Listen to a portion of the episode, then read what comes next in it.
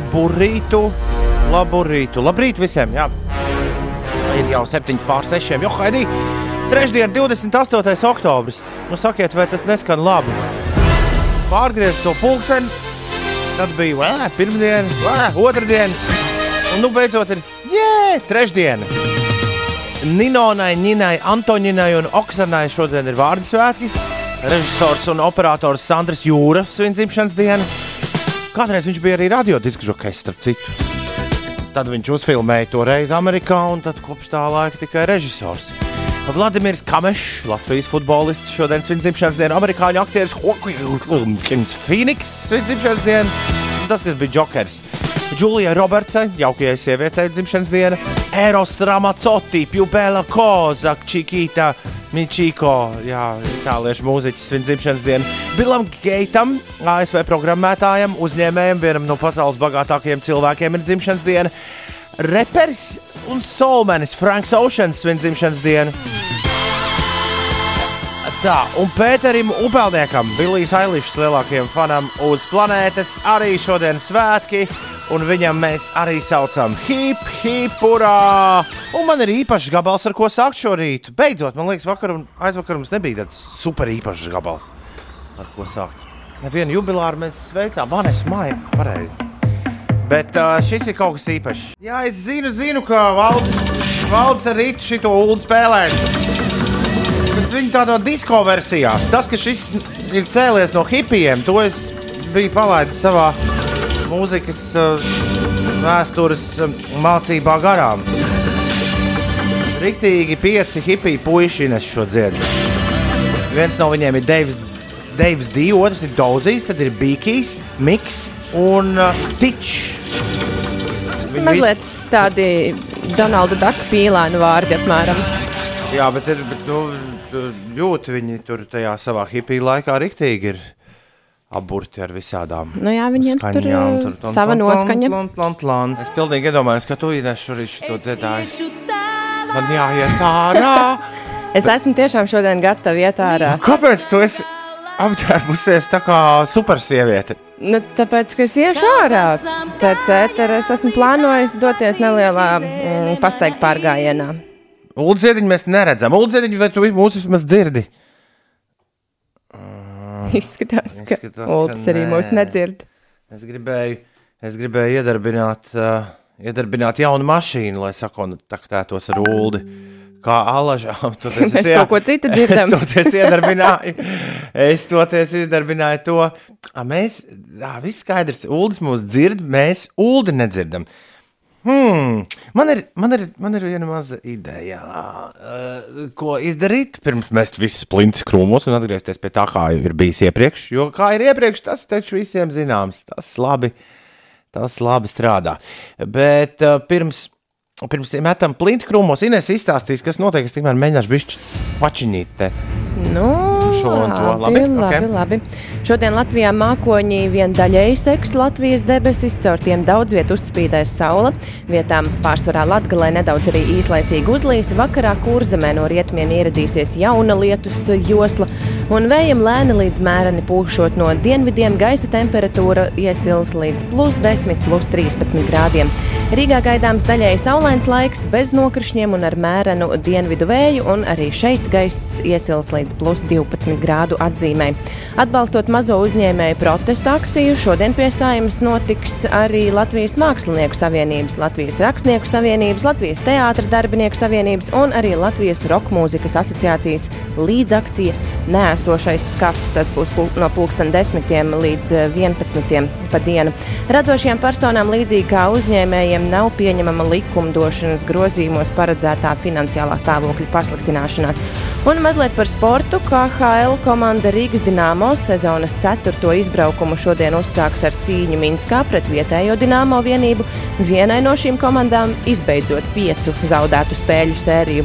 Un vēl par sportu pasaules čempions 100 metru sprintā Kristians Kolmans būs spiests izlaist nākamā gada Tokijas Olimpiskās spēles, jo viņam uz diviem gadiem ir aizliegts nodarboties ar vieglatlētiku par antidopinga pārkāpumiem. Nu, Johaidī, kā t- vai tā var vispār? Par pārkāpumiem aizliegt piedalīties spēlēs? Nu, to ar to dopingu tur tā ņemties. Nu, te ir uh, mazliet uh, nu, tāda nelāga situācija. Viņš trīs reizes nav ievērojis atrašanās vietas noteikumus, tāpēc viņš tiek uh, sodīts. Jūs zināt, kā sportistiem ir uh, jāatrodas konkrētā vietā, nu, jo viņiem jebkurā brīdī var atnākt un pārbaudīt tās analīzes. Un tā kā viņš nav atradies tur, kur bija solījis atrasties, tad sodi ir bargi. Ulu, vai tu mūs dzirdi? Ulu, pasaka kaut ko. Es jūs dzirdu, jā. Jā, čau, Ulu, mēs tev arī dzirdam. Mēs dzirdam. Tagad tikai Ines, tev jāsaprot, vai mēs Ulu dzirdam labāk nekā vakar un aizvakar, vai tāpat, vai, vai vēl kaut kā savādāk. Pastāsti, Ulu, kā tu esi ģērbies šajā rītā? Ines ir super sieviete, vai tu esi supermens? Es esmu ģērbies džinsos un teikraklā. Nu, savā ziņā tie ir mūsdienu supermeni. Um, tie darba tādi kā darba apģērbs. Šis bieži vien gadās, kad sācis teikumu ar nepareizo dzimti un tad ilgi un dikti domā. Kam tu to stāsti? Mēs taču arī esam radio cilvēki. Mēs šo zinām ļoti labi, šo sajūtu. Nu, un kā ir ar dzirdamību? Ar dzirdamību ir labi. Man ir aizdoms, ka tu varbūt esi nedaudz vairāk nobīdīts no laika nekā, nekā tas bija vakar. Jā, ir atsācies, draugi, mīļie, visi, kas ir pie radioprātiem vai klausās šo podkāstu. Ir atsācies tieši tas pats, kur mēs bijām martā un aprīlī. mēs esam uh, attālināti. Un uh, Nu, kā ir tā jādzīvo? kā ir tā jādzīvo? Ja. Bet šajā galā es nejūtu nekādu to nobīdi. Ah, ļoti labi. Tas ir labi. Jā. Kas tur mums bija? Kas tur mums bija jādara? Mums bija jāskaita kopā, vai ne? Nu, nē, lūdzu, nedarām to. Lūdzu, neatgriezīsimies nu, atpakaļ. izdarām šī. vienreiz. Kā tas, Nu, bija? Uldim par prieku. kā tas bija jādara? Uldis, Viens sāk, otrs Vienkārši- turpina. bet kuram ir Nē, jāsāk? nevajag kuram sākt un turpināt. Vienkārši skaitām kopā līdz desmit. Tu sāc un es pie kaut kāda četri pievienot. Sarunāts. Toms sāk un tu turpini. Labi. Nē, Viens, Toms arī turpina. viens, divi, trīs, četri, pieci, Četri, seši, pieci, septiņi, seši, astoņi, septiņi, deviņi, astoņi, desmit. 13, Desmit. 17, 21. Apmēram sekundi mums ir nobīde. Tagad mēs vajag ieslēgt to veco sistēmu un arī izmēģināt. Vai tur nenotiek ātrāk? tas viss? nu, re, Aigaram uzreiz ir jautrāks ceļš uz Rīgu. Labrīt, Aigar! Labrīt visiem, kas mums ir pieslēgušies. Ir trešdiena, 28. oktobris, ir 6,24 minūtes. ACDC, var arī radio Highway to Hell. Alfreds arī nes ir modies. Kā jau katru rītu. Alfreds, Labi. Alfreds, Al... Alfreds ir četras īsiņas atrakstījis. Malacis, ražants rakstītājs. Sveiki, esmu augšā. Braucu uz darbu, šodien pēc darba skatīšos futbolu. Nekā jauna šai pasaulē. Atkal futbolu. Ne, nekā jauna. Čempionu līga ir vaļā. Tā jāskatās. Labrīt, Rīga, labrīt, Latvija, labrīt, pasaule. Cēlies augšā! Mēs esam rīktīgi augšā. Man bija bijis bail, ka es šodien aizgulēšos, bet, bet nu, kāda starpība? Bail vai nebail? Esam augšā. Te nu mēs esam. Kāpēc? Kāpēc tā? Mm. Es nezinu, kaut kā ļoti aizspaidījos eh, to snūzes podziņu. Man liekas, līdz desmit pāri pieciem, Jā, man liekas, ka tā bija, kas manā gadījumā ir ļoti daudz. kad tu atsūtīji pirmo ziņu 9 pār 5. Bet šis ir tik netik, nu, to ir tik grūti izskaidrot. Būtu rīktīgi grūti izskaidrot, jebkur. nu, Es tagad mēģinu izskaidrot jums to, ko ir ļoti grūti izskaidrot. To, ka nav nekāda starpība, vai tu piecelies. Tu, tu vari no, nokavēt rīta tramvaju, un viss, viss var notikt slikti un ne pēc uh, vajadzīgā ātruma, kā tam būtu jānotiek no rīta. Ja tu piecelies bez 10, 5, bet tu vari arī visu paspēt, ja tu pēkšņi piecelies 5, 10. un Tas, es, es pat nezinu, kas pie tā ir vainojams. Droši vien, ka vienkārši mūžība kāda tā ir uzreiz. Nu, un vēl ir arī svarīgs fakts, vai iepriekšējā vakarā ir bijis treniņš un ir dušā būts. Jā. Tad, ja, ir, ja dušas to daļu var izlaist, tad, tad arī jauki. Man bija zīmīgs sapnis pirmo reizi šogad. Bija dot pieci atklāšanas diena. Oh, oh. Jā, bija labdarības maratona dot pieci. Cik šodien 50 dienas? Mm -hmm. Aha, viss skaidrs. Un Ulu bija noticis tas, ko es vienreiz es šo sapni jau esmu stāstījis, bet toreiz bija stikla studija pie prezidenta pilsētas Šoreiz stikla studija atradās tur, kur viņa atrodas. Viņa atrodas Doma laukumā. Bet es secināju, ka tajā brīdī, kad sāks dot pieci, mēs esam aizmirsuši piezvanīt jebkuram viesim. Interesanti, kā tas varētu notikt. Un visi gāja, nu, tāpēc, ka tik daudz kas jādara, tik daudz kas jādara, tad vēl drošības pasākumu. Tā. Bet tu biji Ulu īsts draugs. Tu biji sagādājis labākos viesus, ko tu varēji dabūt. Droši vien, ka pēdējā minūtē. Pats sevi? Pats jautrākais, kas notika, pirmkārt, bija tas, ka mums bija studijā, kur bija, kur bija krietni mazāk nekā tas ir iecerēts. Jā, bet, es nesen saņēmu ziņu, ka viņi būs krietni mazāk nekā iecerēts. Kas stikla Tieši studija? vai viss, viss, Ne viss? tieši stikla studijā. Jo šogad stikla studija būs īpaša ar to, pēc šī brīža projekta, ka stikla studijā pa vidu būs stikls. Vienā pusē būs DJ, un otrā pusē būs visi, kas nāks pie viņiem ciemos, ieskaitot arī jūs abus divus ar Ines. Mm -hmm. Jūs varēsiet apciemot. Mēs varēsim, mēs varēsim būt kopā visi ēterā, iespējams, pirms Ziemassvētkiem. Bet mēs būsim mm -hmm. šķirti ar stiklu, diemžēl. Uh, un tas, tas ir tikai un vienīgi tāpēc, lai infekcijas, ja tādas ir telpā, lai viņas neceļotu no vienas stikla puses uz otru pusi. Nu, jā, bet tā tad šī gada dod pieci. Es biju 50 dienu tālā nākotnē, šī gada dod pieci atklāšanā. Tas stikls, kurš bija iecerēts tajā konstrukcijā pa vidu, bija saplījis.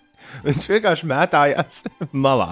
Nu, Tā tāda laba balīta bijusi. lai, kā? sākā, lai sāktos vispār raidījums, bija nolēmts, ka, diemžēl, mēs to stiklu nevaram, nevaram lietot. Visi bija kopā. Pēc tam bija rīktīgi maz vietas, un kaut kādu pilnīgi nekādu neloģisku apsvērumu dēļ bija arī vairāk cilvēku nekā drīkstētu tur būt. Nu, bija kādi septiņi vai astoņi. Viss Bet nepareizi. tagad klausies, ko Ulas bija dabūjis kā atklāšanas grupu. Viņš bija dabūjis Oskaru Leperu, Oskaru nevis Rihardu, Oskaru Leperu, kurš muzicēja kopā ar dziļu violetas čaļiem. Mm -hmm. Un lai arī es biju visai, Es, es, es pierakstu. lai arī es biju visai sašuts par to, ko es redzēju, tad pat laikā arī atvieglots par to, ka vismaz viens viesis mums ir. Un, uh, un vēl viena, bet, bet tas, cik viņi bija ļoti priecīgi, ka viņi tur var būt, jā, to es atcerēšos droši vien līdz brīdim, kad mēs šādu kompetenciju arī ieraudzīsim reālajā stikla studijā. Bet uh, tu vari nevērt vaļā Millera sapņu tūlku. Man liekas, ir, ir skaidri un gaiši saprotams, ko norāda šis sapnis. Šis sapnis norāda to, ka ir pēdējais mirklis sākt zvanīt cilvēkiem, kuriem būs jānāk ciemos uz stikla studiju. Galvenais viņiem atgādināt, ka varbūt ka viss tur mainīsies, un mēs jūs arī pieslēgsim kaut kādā veidā attālināt. Bet, uh, bet jā, ir jāsāk, ir jāsāk rosīties savādāk. Pienāks, uh, pienāks viena diena, un, kā teica dzēnieks, Nu, ko no eļļas iegāja cilindrā, viss aizgāja raznosā. nevajadzētu tā būt. Nu, ir kāds secinājums, Ulu? Nu, jāpārbauda tas stikls. Un es pierakstīju šo viesu ideju. Tad, kad viss strīķi trūks, tad zvana Violets un Oskars Lepers. Liekas, varētu būt labi.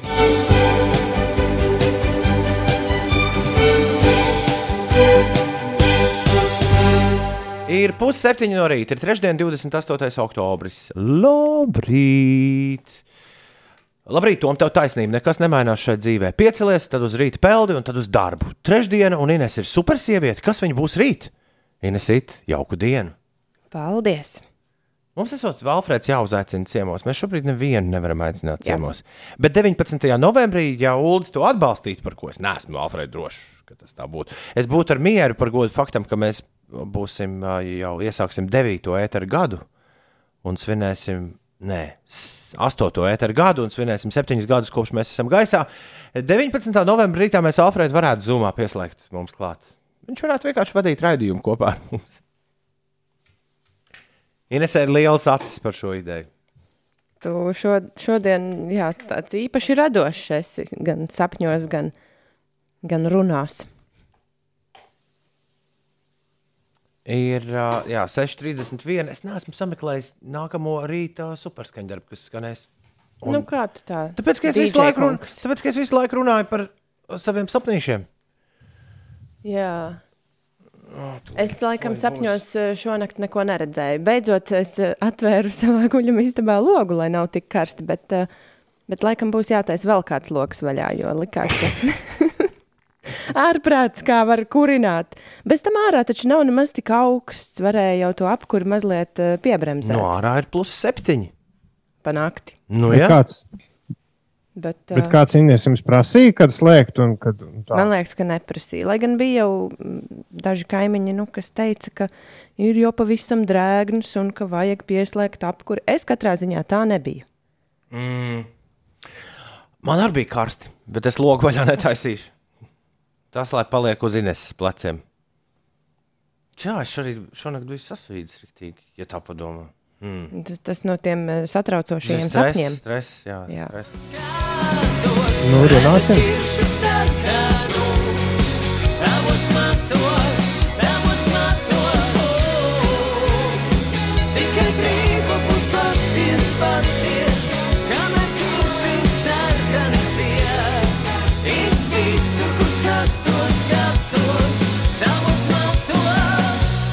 Runāsim, Ulu, runāsim. Ir ā, 6,35. Labrīt, visapkārt. Prāt, vēdram un ēdienas dārsts. Kāpēc Ulu tu sāki runāt? Jā, nevietā. Tāpēc, ka man eh, nomainījās skaņa ļoti radikāli. Man liekas, ka tas ieslēdz mūsu iekšējās saziņas sistēmu. Pirms, ā, pirms mēs turpinām runāt par ā, citām lietām, es par dotu pieci noslēdzot vienu svarīgu lietu vēlējos pateikt. Ja gadījumā kādam no jums, kas ilgus gadus ir sekojis līdz tam, ko mēs darām pirms, Ziemas, darām pirms Ziemassvētkiem, ja jums ir kāda laba doma, ko mēs varētu uzaicināt uz stikla studiju, lai nebūtu nepiepildītos mani sapņi.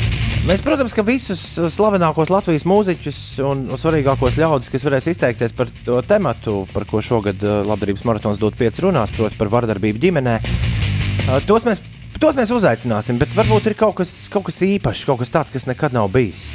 Ja nemaldos, pērn Līva pirmo reizi muzicēja uh, Labdarības maratonā dod pieci vai pirms diviem gadiem. Tā, man, es to biju gadiem mēģinājis sariktēt, kaut nu, tas tā varētu notikt. Pagājušajā gadā Arnēs Mēnesis uzstājās. Man šķiet, ka vispār pirmo reizi uh, publiski mm, ilgu gadu garumā. Varbūt mēs vēl kaut ko varam atrast tādu, kas, kas notiktu pirmo reizi. Nevis būtu sajūta, ka šis jau kaut kur ir bijis. Uh, Redzēs, kas Ziemassvētkos ar kino būs. Jo pēdējo nedēļu laikā aizvien intensīvāk mēs lasām par to, ka kaut kādas lielas kino spēles tiek izspēlētas Holivudā. Un, uh, un, un pēdējā lieta, kas parādījās aizdītajā nedēļas nogalē, baumas par to, ka Jamesa Bonda filma, kurai bija šī gada aprīlī jāiznāk, un tā tagad ir pārcelta uz nākamo ga- gada aprīli, ka tomēr par viņu ir ļoti sainteresējušies divi konkrēti straumēšanas servisi, un ļoti iespējams, ka filma varētu pataisnot doties digitālajā virzienā. Uh, Kino kompānijas Metro Golden Mayer pārstāvji gan to noliedz. Viņi saka, nē, tās ir muļķības, mēs neko tādu nedomājam. Bet, nu, nu, zini, kā ir tas vecais labais teiciens, ja nav dūma bez uguns. Nu, jā. Kad tev pēdējo reizi Ines, šķita, ka James Bonds ir kaut kas tāds, kam ir jāpievērš uzmanība? Vai tev Nu, kādreiz tā ir licies? Man James Bonds nekad nav licies nekas tāds ārkārtīgi īpašs. Ik pa laikam man patīk tās dziesmas, kas iznāk tieši pirms filmas. Tad mēs paši arī pievēršam tam uzmanību. Nu, un, protams, šajā pavasarī, kad visi gaidīja filmas iznākšanu, pēkšņi to pārcēla uz vēlāku laiku, vēl vēlāku laiku, un viss kaut kā sāka sakot tam līdzi. Bet manā gadījumā, nu, filma kā filma. Tāda pati kā visas citas filmas, kuras tagad ir uh, mazliet atceltas.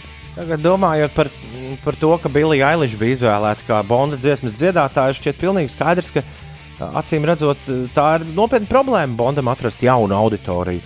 Un patiesībā es nezinu, vai tā Eiliša palīdzēs otrajā reizē, jo tas arī ir liels jautājums no mūzikas industrijas puses, kā viņi šo dziesmu mēģinās iesmērēt vēlreiz ļaudīm, kā kaut kādu absolūtu jaunumu. Nu, iespējams, tur būs kaut kāds īpašs 2020. gada remix vai kaut kā tā. Starp citu, Bonda dziesmas, kas skan filmās, nevienmēr ir tās pašas radioversijas, kuras mēs dzirdam par radio. Mm -hmm. Viņas mēdz pielāgot gan chronometrāžā, gan arī, gan arī dažreiz ar kaut kādu pavadījumu. Uh, Bet jā, da, daudzi, uz, daudzi uzskata, ka ja ne kinoteātris pavisam, jo viņi tomēr cer uz tādām lielām filmām, uz kurām ļoti daudz cilvēku varētu sanākt. Ja ne kinoteātris pavisam nogalinās James Bonda aiziešanu uz digitālo pasauli, tad James Bondu tā varētu nogalināt gan.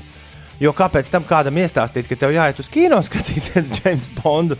Tā varētu būt problēma. Nu, tā vismaz raksta žurnāls Forbes man Uldis norādīja uz, uz viņu Bez garu tam rakstu par šo tēmu. Tādi lielāki Bonda fani, kura šī filma ir jau pēc kārtas? 158. vai kaut kā tā. Nu, cik var? Vai tad var izdomāt aizvien kaut ko jaunu, ko tas Bonds dara? Ja godīgi, ja godīgi es Ulu kopš Kazino Royāla esmu zaudējis jebkādu interesi. Jā, tā pilnīgi godīgi. Izņemot dziesmas un tas, ka mēs strādājam radiostacijā, kur stāsta par aktuālām lietām. Bet, bet eh, šis, man liekas, ir. eh, Šo mēs varētu visi kopā, eh, nezinu, kādu aptauju uztaisīt. Iespējams, ka visiem jau sen vairs James Bonds nav vajadzīgs. Nē, James Bonds ir vajadzīgs, bet James Bonds ir vajadzīgs paudzē, kas ir vēl krietni vecāki par mums.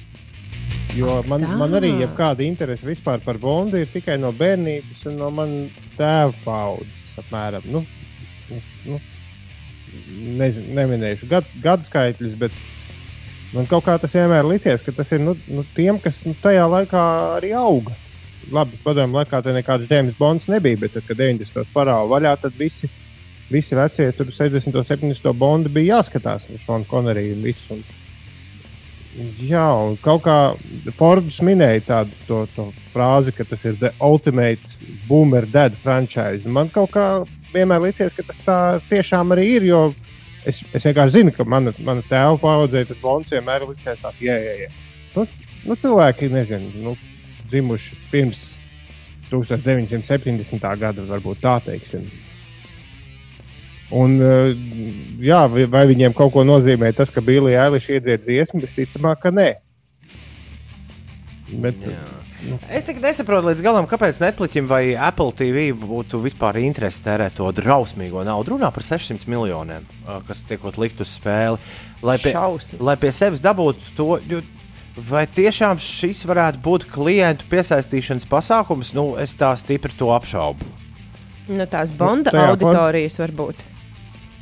Forbes rakstā bija, te, jā, bet Bonda auditorijai vajag tos svētkus. Tajā, tajā Forbes rakstā bija teikts, ka Netflixam vienkārši nav, nu, ka vienīgais, kāpēc viņiem to izdarīt, ir, lai studijām nu, tā pamatīgi ieriept. Un Parādīt vienu žestiņu. Jā. Jā. Kāpēc Bet, nevar jā, visi tas- dzīvot draudzīgi? Kāpēc vajag ieriept? Nu, lai vieni ražo vienas filmas, otrs ražo Jā, seriālus. bet visai drīz vairs neražos filmas priekš ekrāniem lielajiem. Tur jau tas suns, kāpēc mēs par to interesējamies un runājam, Ines, ir aprakts. Bet pasaule mainās. Nu, ko tad gribēja? Ka tādas vecas lietas turpina pastāvēt uh, arī nezinu, kurā gadā. Mēs taču esam piedzīvojuši tās izmaiņas arī uh, mūzikā. Ja bija ka, kasešu aparāti vai ar lentām aparāti, nu, tagad vairs nav ne diski, ne kasetes. Nu, viss iet uz priekšu. Kāpēc, eh, kāpēc eh, gan lai kino industrijā neiet lietas uz priekšu? Bonds ienes naudu vairāk kā izdos par iegādi. Kompensēs izdevumus un jā, noreklamēt savu platformu visā pasaulē. Nezinu, Nu, jā. Nezinu vai Bet, tas bet, tas, kas bet ir. tie, kas nepieciešams. vakar neklausījās, tie, kas vakar neklausījās interesantās ziņas, tur bija, bija ļoti interesants moments. Tas, ka Bonds lielā mērā finansē produktu, kas tajā ir izvietoti. Un tiem produktiem ir svarīgs tas globālais kinoteātris, milzīgais bums. Jā, jo- jo- jo- pie, Jo, jo, jo, jo tur ir divi stāsti. Oinēs. Viens ir stāsts, cik cilvēki noskatās, un otrs ir stāsts, cik naudu viņi ienes. Jo bieži vien, piemēram, no izrādīšanas Ķīnā vai Krievijā, tu dabū ļoti minimālu procentu Hollywoodas kompāniju blakām. Nu, atpakaļ. No šīs filmas. Bet toties, ko tas produkts dabū, nu, tas šmamšunga telefons, kurš pēkšņi parādās. Viņš dabū milzīgu skatītāju daudzumu. Ir, Bet tu ir domā, tāds ka tiešām cilvēki, nu, es nezinu, protams, kā tas, kā tas strādā, bet vai tiešām cilvēki, o, re, kur Bondam bija tas telefons? Es Man ik- arī tādu ik- vajag. Ik reizi, kad es ieraugu Pepsi veikalā, es uh, viens pats mājās ainu, kurā viņi apgāž Pepsi, atceros. Un tas tev liek viņu nopirkt? Jau 25 gadus, dažreiz jā. es šo vai- ainu atceros tikai tad, kad tu to piemini. Es vispār neatceros, ka tur būtu kaut kas Es gan apgāzts. pērku lietas tādas, kuras man vajag, nevis ko es esmu filmās redzējusi. Nu, nē, bet Ines, tas, tas strādā. Nu, tur parāda to mašīnu. Tā ir milzīga, milzīga auditorija. Pasties viens pēc mājās Donaldu Trumpu daudz ieraudzīja, pie kā tas noved. Nu, jā. Ir 6,44. Ines, kas notiek? Par Bondu es nerunāšu. Pastāstīšu labāk par Austrāliju. Tur ir mazliet svētki cilvēkiem. Austrālijas otrā lielākā pilsēta Melburna svin iziešanu no 112 dienas ilgas karantīnas, kas šajā Jē. pilsētā tika ieviesta, lai palēninātu koronavīrusu izplatīšanos. Melburna, kurā ir teju 5 miljoni iedzīvotāji, ir pārcietusi vienu no pasaulē ilgākajām karantīnām. Tā tika ieviesta jūlija sākumā, kad jaunu inficēšanās gadījumu skaits Melburnā bija ap 200 dienā. Pēdējās nedēļās daži ierobežojumi tika mīkstināti, bet no šodienas atkal drīkst darboties restorāni, kafejnīcas, krodziņi un mazumtirdzniecības vietas. Daži bāri rīkoja pat svinības kā jaunajā gadā, skaitot sekundes līdz pusnaktī, kad tie ielaida ne vairāk par atļautajiem 20 apmeklētājiem savās telpās. Melburnas iedzīvotājiem vēl ir jāievēro ceļošanas attāluma ierobežojums ne vairāk kā 25 km no mājām, bet ir gaidām arī šī atcelšana. Tiesa 8. novembrī. Nu, apsveicam Melburnas iedzīvotājus ar kaut nelielas daļas dzīves atsākšanos. Pašmājās šodien Latvijā diezgan silts laiks, plus 10, plus 13 grādi. Dažviet debesīs parādīsies arī saule, bet Latvijas pusē īslaicīgi līs. Un vakarā kurzemi no rietumiem atkal sasniegs eh, jauna lietus zona. Uh, 200. Ines, ka- jā, jā, labi, Ulu. Kad Melburnā aizvēra ciet, kad tur sākās lockdown. Jūlija sākumā šī te karantīna Uldis rēķina. Uldis rēķina. Augusts, septembris, oktobris. Trīs, mē, trīs ap pus mēneši. Jā, gandrīz četri mēneši. Ko mūsu, Tātad, ko mūsu gudrās galvas vakar sprieda? Vai es, ja godīgi nezinu, ko sprieda, bet tas nozīmē, ka mums pēc viņa analoģijas mērot, tad kaut kad martā būs vai februāra beigās šī laimīgā. Pēc viņu, pēc viņu analoģijas mums visai drīz lockdowns būs. Nu, jā, jā, lockdowns beigsies martā kaut kad. Un Es neticu, mums, ka eh, mums būs tāds rīktīgs lockdowns. Nu, viena no ziņām ir tā, ka augstskolām ir eh, daļēji attālināti jāstrādā līdz pat gada beigām. Mūsu Jā. uh, augstskolā. Jā. Un ārā privātos pasākumos arī tikai desmit cilvēki. Tas, tas laikam, ir mainīts. Tagad. Ja, ja iepriekš tas attiecās uz iekštelpām, tad tagad privātos pasākumos, nu, privāti Jā, nevis publiskos, bet privātās balītēs arī ārā ir tikai desmit cilvēku atļauts. Lieliski. Nu, Tātad Pulciņš. dzimšanas dienā tikai desmit cilvēki drīkstēs piedalīties. Nu, kaut kā tā, apmēram. Nu, Pastīsimies, kā Ulim ar to dziedāšanu ies caur, uh, caur šo mašīnu. Laika mašīnā.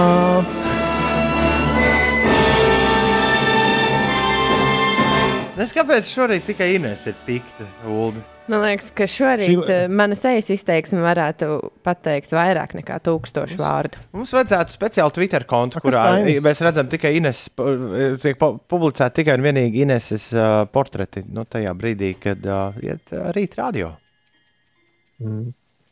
Jā, es varu pateikt, ka, Ines, ir- ja tu apvainojies par manu slikto dziedājumu, tad galvenais iemesls ir tas, ka šī mašīna, ko izdara tikko, kā es sāku runāt, man ir pilnīgs un absolūts klusums. Ja tā iepriekšējā vēl kaut ko tur mēģināja pa vidu, kaut kādas skaņas no jums atdot man atpakaļ, Es jūtu, Tad ka mēs, nāk, mašīna- es jūtu, ka mēs nākamajā stundā pārslēgsimies uz veco mašīnu. Kā tas parasti vai ne? Vienmēr Ines- Es Ines neapvainojos Tas par, vienmēr uh, tā notiek. Par tavu dziedājumu. Tu dari to nu, pēc labākās sirdsapziņas, cik vien labi var. Viss jau ir kārtībā. Ir 6,48 draugi. Esam 28. oktobrī. Uiku jums grūti būs pateikt, kurā gadā. Ha, ha, ha. Taylor Swifta to laiku dzied šādu dziesmu. To sauc Back to December. Jā, Ziemassvētku gaismas, draugi mīļie, te pat jau vienais stūra vien ir. Ļoti atbilstoša dziesma arī 2020. gadam. Tālāk man iet!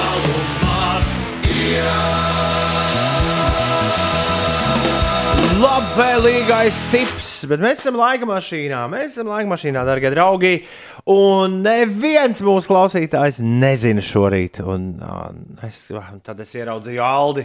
Ne, tomēr Aldis zina, uz kuru gadu mēs esam devušies, bet neviens cits gan to nezina. Un Aldis šorīt ir vienīgais ticis pie brokastiņām, gardu gardajām, kuras var apēst ekstra lielā daudzumā ar manu atļauju. Pēc tam, kad tos svarus man nerāda Aldi, ja tur kaut kas ne tā. Jā, Uldī, halo!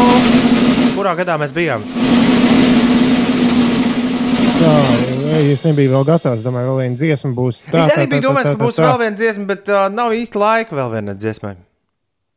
Tāpēc mēs ejam uz Nezinu. Atminēšanu. Nu, kaut kāds tā 2000. 2003. 2003. Es nezinu, kāpēc atceros kaut kādu lielu disku, kur bija šī dziesma. Man nav ne jausmas, kad Taylora Swifta parādījās pie apgāršņa. Es laikam ņemtu drīzāk 2000. gadu. Es esmu šodien, Taylor piedod. es esmu šodien sabeidzis laika mašīnu. Oh, oh. Jo es uh, uh, labvēlīgā tipa dziesmu tā man iet, noturēju par tālāk man iet. Ko tas nozīmē? Tas nozīmē, ka Ulas ir diezgan droši. Ne, nu, tas nozīmē, ka katra dziesma bija pilnīgi no No sava cita gada. gada. Līdz ar to laika mašīna, Jāsūta uz laika mašīna remontu. ir rīktīgi izpurgāta. jā. Es ļoti visiem atvainojos. Visi drīkst iet pie leduskapa un apēst kaut ko garšīgu. Jums arī abiem diviem pa punktam. Jo man, es biju pārliecināts vēl pirms līdz pavisam mi- mazam mirklim, ka mēs esam 2010. gadā. Tad labvēlīgi. Tālāk man iet bija no 98. Laikam tā varētu. Nu, nu, kaut kur no tā laika, jā. Nu, gadās arī šādi. Ne bieži, bet gadās.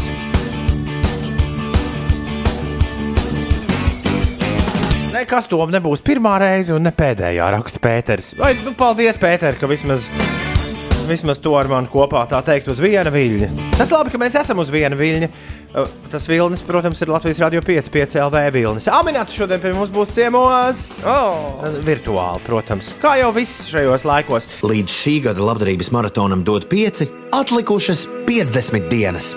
Sako līdzi, dod 5 LV.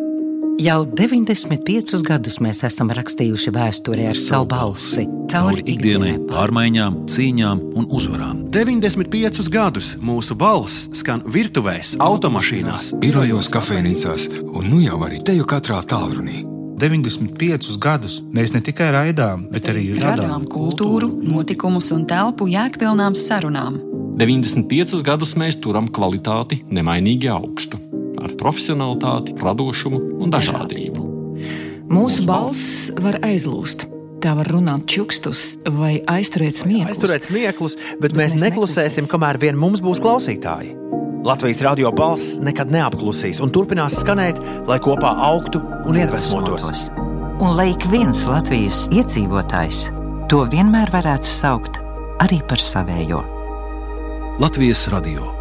Radio fanāti jau 95 gadus. 5.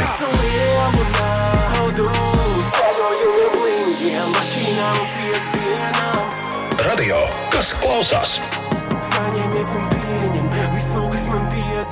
Mums būs dzimšanas diena. Latvijas radio ir lielā dzimšanas diena šo sestdienu. Un tāpēc, un tāpēc www.radiofanāte.lv pirms uh, mirkļa mēs dzirdējām lielo radiofanātu jinglu. Un Man liekas, ka ir svarīgi pēc tam pateikt to, ka jūs ik viens esat laipni aicināts doties uz radiofanāte.lv un atstāt kādu vēlējumu arī mums. Par ko tu smējies, Ines? Ines pēkšņi saka smaidīt. Es lasu klausītāju īziņas. Ārā ir slapiņš, kāda apavņā vēl. Es lasīju pūces īziņu par laika mašīnu, ka laika mašīnai eļļa iegāja cilindrā. Mm. Bet uh, ne par to mēs par uh, radiofanātiem runājam. Nē, nē, radiofanāta LV tur jau ir nekas diži vairāk nav sakāms. Ja par eļļu cilindrā, tad. eh, Nu, ko no eļļa iegāja cilindrā, viss aizgāja raznosā. Ir septiņas minūtes pārpusdienas septiņiem. Ulu, labrīt! Labrīt!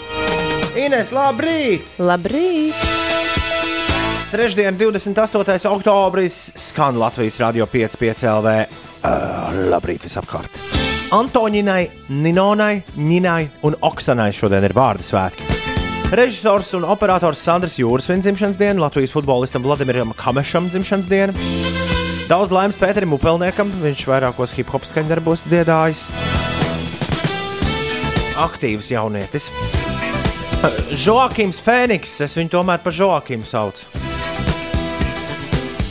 Jeb Vokīns Fēniks. Arī, arī tā Hokīns. mē- mēdz viņu izrunāt. Amerikāņu aktieris, viņam dzimšanas diena. Džulija Robertsai šodien dzimšanas diena. Itāliešu mūziķim Erosam Ramazzotī daudz laimes. ASV programmētājiem un uzņēmējiem Billam Gatesam ir dzimšanas diena. Frankam Oceanam, reperim un soul mūziķim daudz laimes dzimšanas dienā. Lai viss pa pirmo. Diena apstāsies, domas Šo būtu interesanti pēc kādiem sešiem gadiem uz desmit gadi ierakstīt no jauna. Tad, tad līdzīgi kā ar Dūdēju, no It's Christmas time viņi darīja. Es iedomājos, kā Mazliet tādās eh, citās skaņās. Jā, citi solisti bišķiņi. Kāds jauns pienācis klāt. Nu, nezinu. No visām, no visām dot piecas himnām man šī liekas tāda visspēcīgākā, vis, vis, vis tāda, nu, labāk nostrādātā. Es, Nevar- es pat nezinu, ko tur mainīt varētu. Labrīt! Sieviņai Montai un Montes mammai Andai, lai labs ceļveža braucienā uz Madonu Nauris vēl. Foršu dienu dāmām un pārējiem! Tu klausies pieci LV. Jauno vecāku rīts. Labrīt, jaunie vecāki! Labrīt, labrīt! Kāža raksta, vai jūs varat lūdzu pateikt manam piecgadīgajam dēlam Markusam, ka ir jāceļas un jāiet uz dārziņu, savādāk māma atkal nokavēs darbu. Markus! Celies augšā!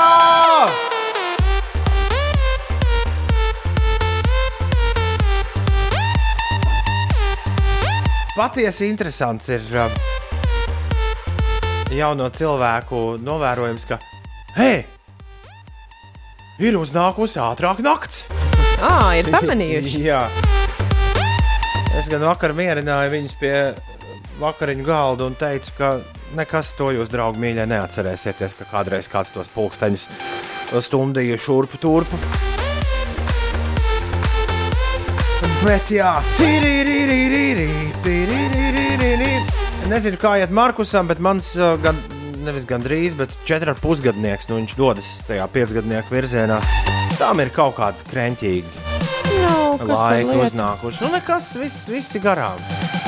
Tam Iedod šito vakariņās. nē, Rudens tas nav- depresija. Tas, tas nav labi.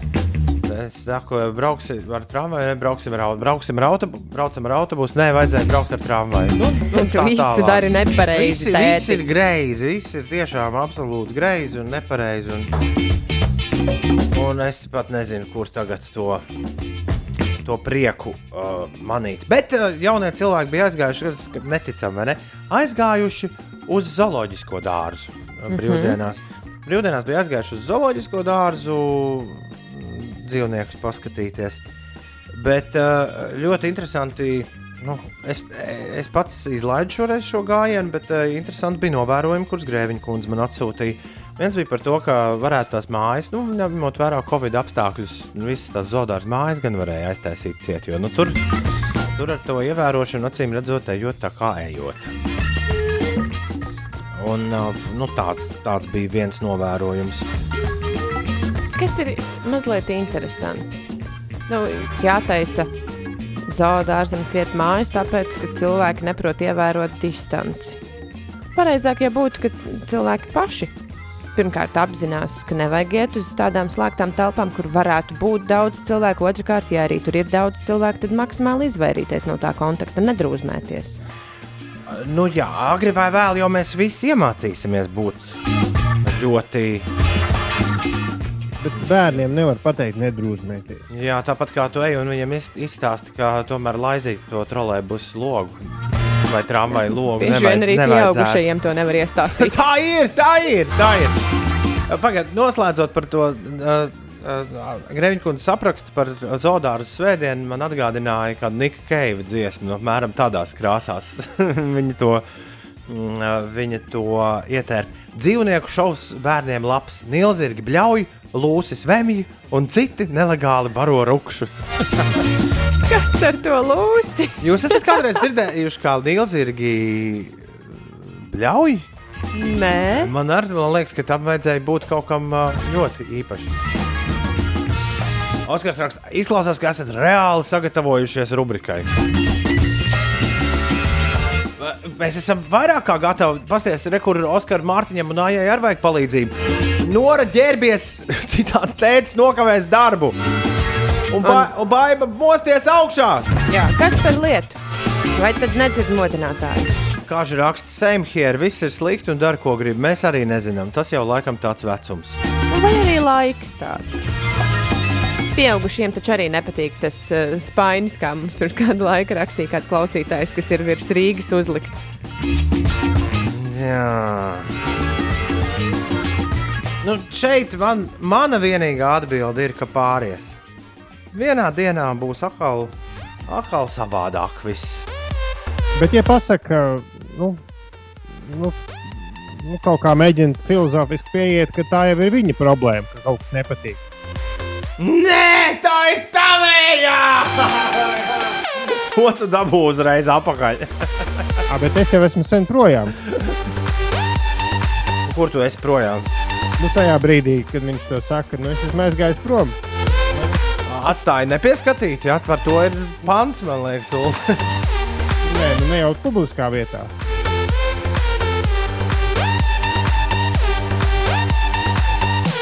Tie bērni ilgi ir bērni. Šorīt pidžamā skrēju uz tramvaju, jo redz, jaunietis maskas vietā paņem acu aizsegu. Raksta ērgļu īvete.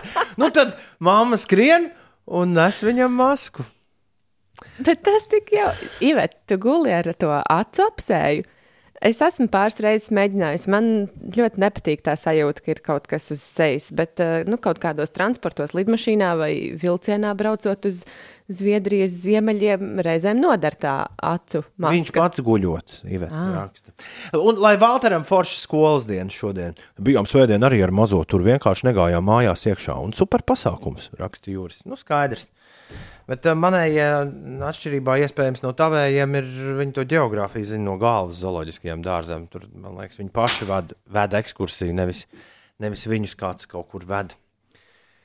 Pirms divām sestdienām zoo nemaz nebija tik daudz cilvēku, bet gan jau atkarīgs, cikos iet uz zoo. Un arī mājiņas pārsvarā visas bija ciet, izņemot tropu un savannas māju.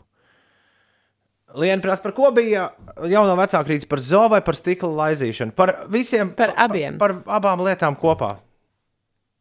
To, ka Nīlzirgi bļauj, lūsis svemj un. Un par to, ka mājās drūzmējas cilvēki, un ka bērniem jau nemaz arī tā nevar pateikt, nedrūzmē, nedrūzmējieties tur kopā ar visiem citiem. Un, nu, te jau piemērs arī pieaugušiem nevar pateikt bieži vien, mm Mhm. -hmm. lai velk maskas vai lai paši nedrūzmējas. Jauno vecāku rīts. Sveiciens no kaimiņiem, kas mums filmē pie loga. Jā, šorīt Ulu doma laukums ir pārvērsts vienā lielā uzņemšanas laukumā. Atkal varbūt kādu Amazon vai Netflix seriālu filmēt Rīgā. Un šis bija Noep, Igaunu producents, kurš nevar ievērot distanci. Viņa ķermenis vienkārši viņam neklausa, kā viņš dzied šajā Jā, dziesmā. pirmie dziesmas vārdi tādi bija. Noep un On My Way. Uh, Ines, tu biji Kebnekaisē vai arī tikai Kungslēdeni baudīji Stokholmas Kaspars prasa? Laikam nākamgad mēs uz Kebne izkasīsimies. Es biju, bet tiesa dienvidu virsotnē līdz ziemeļu virsotnē neaizgāju. Tā kā tur man nepadarīts darbiņš. Tam Lūsim Zo vienreiz bija iemests kaķis. Kurš? Kāpēc mums tas jāzina? Mēs bez šīs informācijas varējām mierīgi, mierīgi iztikt. Uldī! Jā, par brīvības ielu un VF tiltu. Un top 10, jā, par visu kopā izstāst. Kas par mums atrakstīja Twitterī, ka brīvības ielā sastrēgums garantēts. Uz VF tilta vieglais auto jūglas virzienā saskrējies ar tramvaju. Okay. Es skatos bildē, ko viņš ir atpiecis rīt, ir retvītot. Es skatos bildē un mēģinu saprast, kā tas ir dabūts gatavs. Tur ir uztaisījuši trīs joslas. Nu, nesaprotu. Wow. Wow. Katrā ziņā uz VF tilta ir tramvajas automašīna un sliedes ir cietas. Tas nozīmē, ka būs.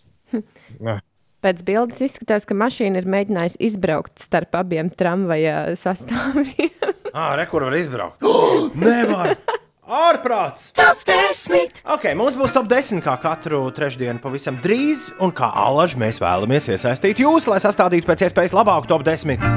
Tas tak, tas tak ir forši, ka mums ir sadarbība arī kādās rubrikās, jo savādāk sanāk tā kā par zooloģisko dārzu un stikla laizīšanu.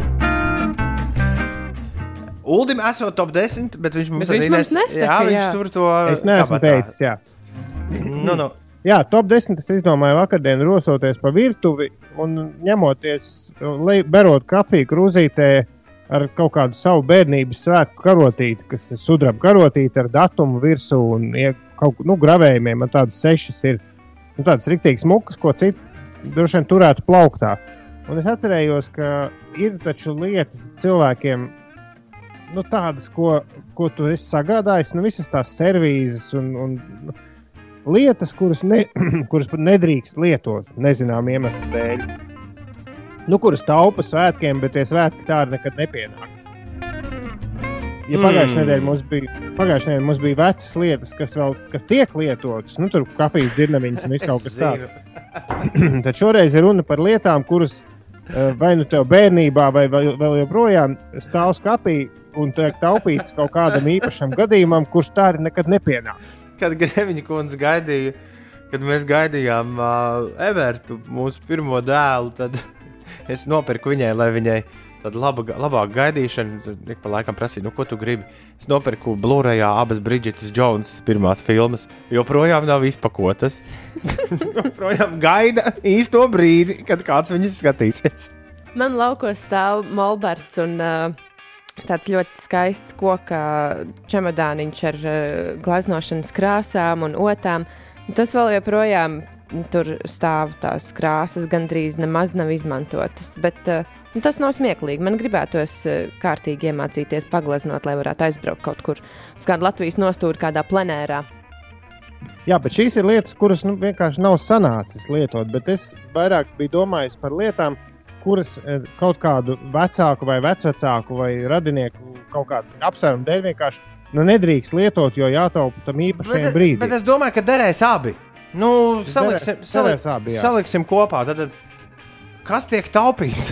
Joprojām Jā. nav zināms, Lietas, kuras- ar, ar domu lietas, vai kuras- bez. Jā, lietas, kuras taupi un nelieto un taupi brīdim, kurš tā arī nekad nepienāk. Šādas lietas mēs vēlamies sakolekcionēt top 10. Rakstiet mums šurp savus stāstus izziņās uz 293, 202, 29. 3120, Baložos, Smilšu un Rīgas ielas krustojumā arī avārija. Leksus iebraucis kokā. Nevar saprast, kas tur īsti noticis. Labi, Sančē, netēlosim ekspertus. Paldies vismaz, ka mums to paziņoja. Galvenais, ka tie cilvēki, kas tur brauks, tagad zinās, ka viņi pastāvēs bišķi ilgāk nekā, nekā citus rītus tur.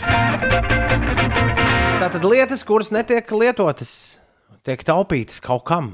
Neviens īsti nezina, kam. Bieži vien tās mēs kolekcionējam šorīt top 10. Sūtiet tās šurp uz 293, 2020. Top 10. Ines, kas notiek? Jā, paturpinot par tiem uh, ceļu satiksmes negadījumiem un par satiksmi, tātad mums pirms uh, kāda brītiņa rakstīja Kaspars, ka ir brīvības ielā sastrēgums, vismaz būs garantēts sastrēgums. Tur vieglais auto jūglas virzienā ir saskrējies ar tramvaju, tas ir noticis uz tiltu, un tikko mums Sanču rakstīja, ka arī avārija baložos Smilšu un Rīgas ielas krustojumā, un par uh, sastrēgumiem vēl Rīgas ielās šobrīd ir jārēķinās ar vismaz 12 minūšu kavēšanos uz A7 posmā Kroksilas baložu pagrieziens, Čakielā posmā no Matīs ielas līdz Tallinas ielai ir aptuveni 5 minūšu aizkavēšanās, Lubānas ielā līdzīga situācija. Citviet pagaidām visai mierīgi 2 līdz 3 minūtītes jāpierēķina klāt ceļam. Šodien mākoņi vien daļēji seks Latvijas debesis, caur tiem daudz vietu uzspīdēs saule. Seks. Vietām pārsvarā Latvijā nedaudz īslaicīga līsa. Vakarā kurzemē no rietumiem ieradīsies jauna lietus zona. Vējiem lēni līdz mēreni pūšot no dienvidiem, gaisa temperatūra paaugstināsies līdz plus 10, plus 13 grādu atzīmē. Arī galvaspilsētā gaidāms daļēji saulains laiks bez nokrišņiem, ar mērenu vēju un gaisa iesils līdz plus 12 grādiem. Tu zini, cik veca ir šī dziesma? Baigi, baigi veca. Pēdējā diskotēka kārtīgā, ko es spēlēju, kad ir tūkstoši jauniešiem Liepājā janvārī. Uh, jā, tur šis jau gāja tā, ka viss gāja tā kā prātā jukuši tik līdz šito uzlikt. Man arī patīk šī Un dziesma. tagad ir 28. oktobris. Un, piemēram, vakar šī ir bijusi 16. traumētākā dziesma Spotify Latvijā, Latvijas teritorijā. Joprojām topā The Weekend un Blinding Lights bez 10 minūtēm 8. Hei! Paldies visiem, kas šorīt piedalījās top 10. Mums ir brīnišķīgs top 10 lietas, kas kaut ko gaida. Labāku laiku, vai tad, kad, beidz, kad beidzot izvilks no skapja vai sekcijas, lai lietotu. Vai ne?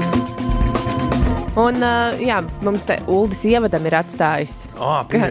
Man ir uzlikts modinātājs, bet es tāpat nemostos no viņas skaņas. Es nezinu, vai šis, vai šis kvalificējas. Jā, tāpēc tas ir ārpus topa. Nu, skaidrs. Labi, bet uh, desmitajā vietā mums ir uh, kāds anonīms klausītājs, kurš ir atsūtījis šādu ziņu pūra palagi. Galdauti vecmāmai vēl joprojām stāv skapī. Malacis, vecmāma.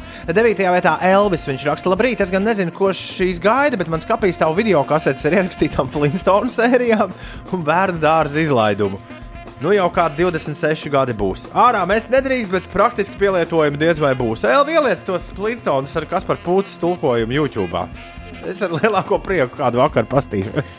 Astotā vieta ir kukaradziņam. Viņš raksta, ka nekad netiek lietots makā ilgi noturētais drošībai prezervatīvs, jeb aizsardzība.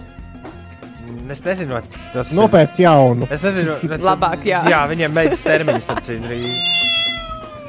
Māma no Rumānijas, 7. vietā anonīms, kurš raksta, Māma no Rumānijas 1986. gadā atveda vietējo konjaku, ielika bufetē uz nākamo lielo jubileju, un tā tas konjaks stāv nekustināts tajā pašā bufetē, vēl joprojām gaidot to īpašo brīdi. Būs labi nostāvējies. Rietumē Eiropā draugam. Tētim arī esot viss pilns pagrabs ar pudelēm, kurš viņš teica, viņš nekad dzīvē neattaisīs vaļā. Sastajā vietā ir baiva. Man garāžā stāv sekcija. Ielikām uz pagaidām pirms desmit gadiem. Ik pa laikam ieeju un domāju, nu, kādu dienu būs jāienes mājā, lai beidzot var sākt lietot. Jā, ja tiešām pie, savajadzēsies sekcija, tad ir. Tā vismaz tāda laba sajūta. Ai, ai, ai, ai, ai. Piektajā vietā Kārlis. Viņš raksta, pirms kāda laika atradu ziepes, kas ražotas Turcijā 1989. gadā ar visu iepakojumu. Nu, tā arī viņas skapī stāv un droši vien labu smaržu izplatīja. Cerams. Ceturtā vieta ir Laumai. Šis ir mans mīļākais īziņu stāsts šorīt. Viņa raksta, labrīt, bērnībā Oma neļāva ņemt ragaviņas, jo tās bija jaunas, un mēs ar brāli noteikti tās saplēstu.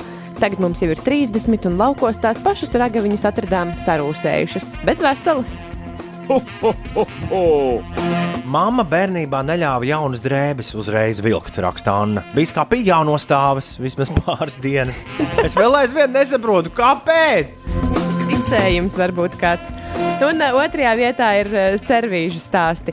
Lauma ir atrakstījusi, ka mums mājās stāv porcelāna tējas servīze jau kādus 20 gadus. Vienīgais pielietojums divreiz gadā notīrīt putekļus. Kāpēc kaut kas tāds nepieciešams mājā, es joprojām nesaprotu. Arī Dīdzis ir atrakstījis, ka viņam porcelāna servīze, kur uh, uh, laba vecmāmiņa iegādājās savām kāzām un šampaniešu glāzes no vecāku kāzām, laikam taupam dzimtes muzejam. Un arī Mārēns ir atrakstījis, ka tie stulbie sievas mātes porcelāna trauki. Un tāpat laikam jāpieliek arī ērgļu ievetes ziņa, ka. Um, kad maza biju, nesapratu, kāpēc dāvana šķīvis viņus nelieto, bet karina pie sienas. Domāju, izaugšu, paņemšu uz tā šķīvi, ēdīšu makaronus. Bet, kad izaugu, sapratu, un viņi tur vēl karājas. Jocīgi tie šķīvi. Bet topā šodien uzvaras Solvita. Solvita ir pirmā vieta. Viņa rakstēs uzdāvinājumu mammai ziemas mēteli pirms 15 gadiem. Taupa joprojām. vēl nē. Nav tāda ziema ne, bijusi vēl. Ne, šo ziemu vēl nē. Un uh, droši vien, ka tas viss jānoslēdz ar Olgu Rojecku, dzīvo šodien, dod pieci. Atcerieties, uh, ļoti viena no, man liekas, tādām uh, zīmīgākajām intervijām, kāda vispār bijusi dot pieci vēsturē, kad Olga Rojecka teica, ka Un Ieva šo ir šorīt atcerējusies. Viņa raksta, lietojiet tos svētku traukus ikdienā, dzeriet no skaistākajām glāzēm.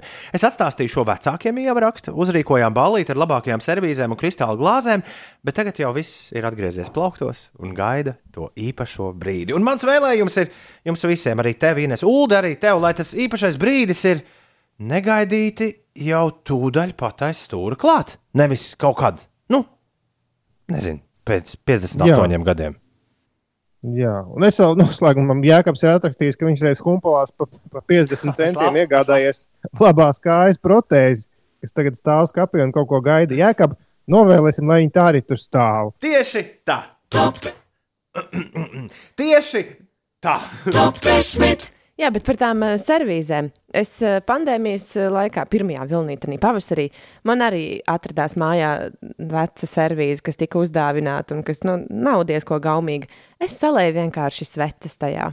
Un tagad man ir daudz svecītas, ko dedzināt rudenīgajos vakaros. Pirms 15 gadiem Tomam vecāku uzdāvinājusi dzimšanas dienu telti, aizmirst tās festivāla biļetes, vesels 15 gadus iedot. Nu, man ir tā, ka es jau esmu bijis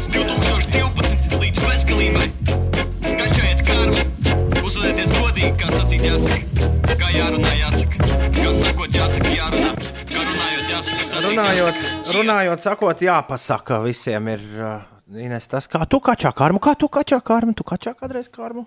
Mm, tu domā, vai es kādreiz arī kaut ko labu izdaru? Nē, nu, vai tev ir kaut kādas tādas speciālas lietas, kuras tu dari, un tad tu domā, ah, cik es labi visu izdarīju. Nē, tieši speciāli karmas kačāšanai nē. Ja ir kaut kas labs, ko izdarīt, tad ņem un izdari. Un kā tev ar karmas kačāšanu, Ulu, vai tu arī gaidi tos lielos karmas kačāšanas svētkus, kurus mēs tū- tūdaļ taisīsim? Es piefiksēju tādus brīdiņus, kad, kad kaut ko tur rīktīgi labi izdara cilvēkiem pa laikam. Bet speciāli nē. Nevar atcerēties. Man kaut kas nedēļas nogalē tieši tāds bijis. Kaut kam kaut ko aizvedu vai ai- aizdevu. Izklausās, Ines, ka Uldis ir vienīgais no mums, kas regulāri piekopjas karmas kačāšanu. Nē, svarīgi to ir darīt uh, ar labu nodomu, nevis tāpēc, lai iegūtu karmas punktus. Tiesa, tiesa. Amināta uz mirkli mums šodien pievienosies. Viņai jau kādu laiku atpakaļ iznācis jauns singls. Kā viņai iet, ko viņa dara, kādi ir viņas tuvākie plāni, vai vispār drīkst būt kaut kādi plāni. Par to mēs ar viņu papļāpāsim. Es vēlos uzreiz pēc ziņām izdarīt kaut ko ļoti, ļoti īpašu. Ar aminātu nesaistīt. Mēs rīt dziesmu topu šorīt arī klausīsimies. Tā runā. Es atradu Ulu to dziesmu tīrā versijā, kur vajadzēja. Un interesantās ziņas arī šorīt būs. Tas viss jau pavisam, pavisam drīz šeit, Latvijas Rādio 5,5 LV ēterā. Tas ir rīktīgi forši, ka esat kopā ar mums. Šis ir fragments no 5 LV podkāsta Kā ir būt? Visu sarunu klausies 5 LV mājaslapā vai populārākajās straumēšanas vietnēs. Ir kaut kāda ēt, kaut kāda ētika tomēr tam visam, ā, to, kā tu izturies pret citiem, ā, kam ir daž, citādāks viedoklis un ir kaut kāds robežs, jo tas, ko, tas, ko bieži var pamanīt sociālajos tīklos, visādas nu, ļoti neētisks padarīšanas, kā citam nāves vēlēšana vai draudi. Un, uh, tikai par to, ka nu, atšķirīgi uzskata, un man tas nešķiet pareizi. Uh, ir forši uh, sadzirdēt abas, abā, abām pusēm viena, vienu otru, lai arī cik sensitīvs jautājums nebūtu. Būt ir visādi. Trauksmaini, cerīgi, dīvaini, juceklīgi un ļoti skaisti. Sarunas par būšanu klausies podkāstā Kā ir būt? Jauna epizode katru pirmdienu, 5 LV mājaslapā un populārākajās straumēšanas vietnēs. 5 LV. Uzgriez un ir. Labrīt! Ir 6 pār 8. Labrīt, Uldī! Labrīt, Inesē! Labrīt! Labrīt, labrīt! Klau, es vēlos bišķi apstādināt raidījumu uz pāris eh, sekundēm, nu labi, uz minūtēm. Pāris, un pēc tam turpinām darīt visu to, ko mēs darām. Man ir, man ir īstā māsa, kuras sauc Marta, un man ir tāda sajūta, ka man ir arī izdomāta māsa, vai ne īstā māsa, bet tomēr māsa, ar kuru kopā šis tas eh, liels dzīvē ir paveikts. Un tā ir eh, Marta Grigala. Un Martai Grigalai šodien ir ļoti liela diena, mīļie draugi. Ir iznācis pusnaktī viņas debijas albums pilnā garumā. Un albumā ir visādas dziesmas, kuras mēs zinām jau no galvas. Šī tur ir, ir arī atkal tu. Un, protams, bet šorīt Vanas istabā bija liels manas izbrīns uzzināt, ka Martas albumā ir arī divi ciemiņi. Viens no ciemiņiem ir uh, viņas meita Grēta, un uh, mēs esam šeit uh, spēlējuši to, kas ir izmantots no Grētas uh, muzicēšanas. Izklausās baigi skari. Nav sajūta, vajag aizkaisīt durvis. Uh, nu, tur vienkārši starp dziesmām mm. -hmm. pēkšņi šādi grēti paziņo. Bet ir vēl viens ciemiņš, Ulu, vai tu zini, kas tas ir? Vai tu vari uzminēt, kas tas ir? Nu, gan jau, ka kāds no mums, tu droši vien. Kā tev šķiet, Ines? Nu, ja Uldis tā saka, tad tas varētu būt uh, visticamāk. Bez tam, ja reiz to arī pats par to esi sācis tā. Ja es pats par to sāktu runāt, tad šī būtu vistiešākā, nezinu. Šis būtu vislielākais interešu konflikts, kāds vispār var būt. Bet nevēla, tas ir Džeks, kurš ir teicis, Toms Grēviņš, ej, tu nost! Wow! Noklausāmies visi kopā, kā tas izklausās. Mārta un Inters pusulis. Pasaule pagaidīs. Šī ir absolūti, es pieļauju, pasaules pirmizrāde radio eterā šai dziesmai. Noteikti. Uh, ko, ko tu Ulu saki? Uh, Ar Martu mēs rīt sazināsimies. Ar Mārtu mēs sazināsimies rīt, un mēs aprunāsimies par visu, kas saistās ar viņas jauno albumu, bet uh, šis nevarēja arī Ulu gaidīt rītdien. Mārta un Inters Busulis. Pasaule pagaidīs.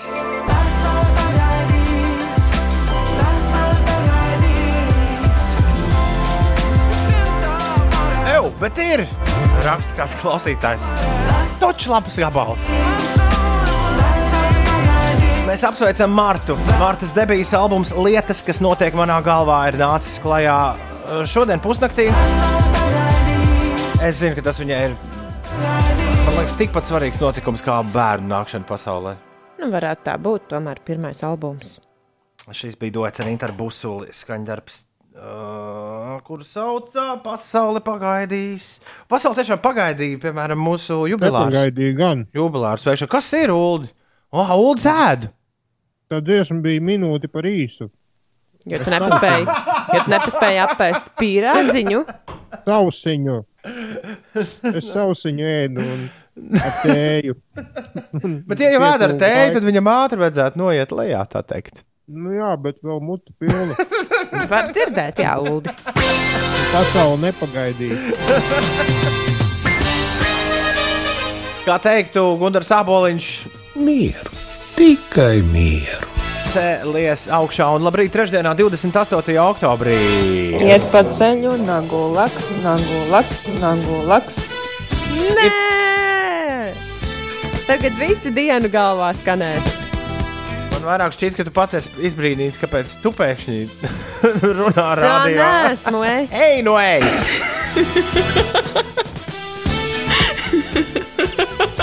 Sveiciens vārdu! Miers.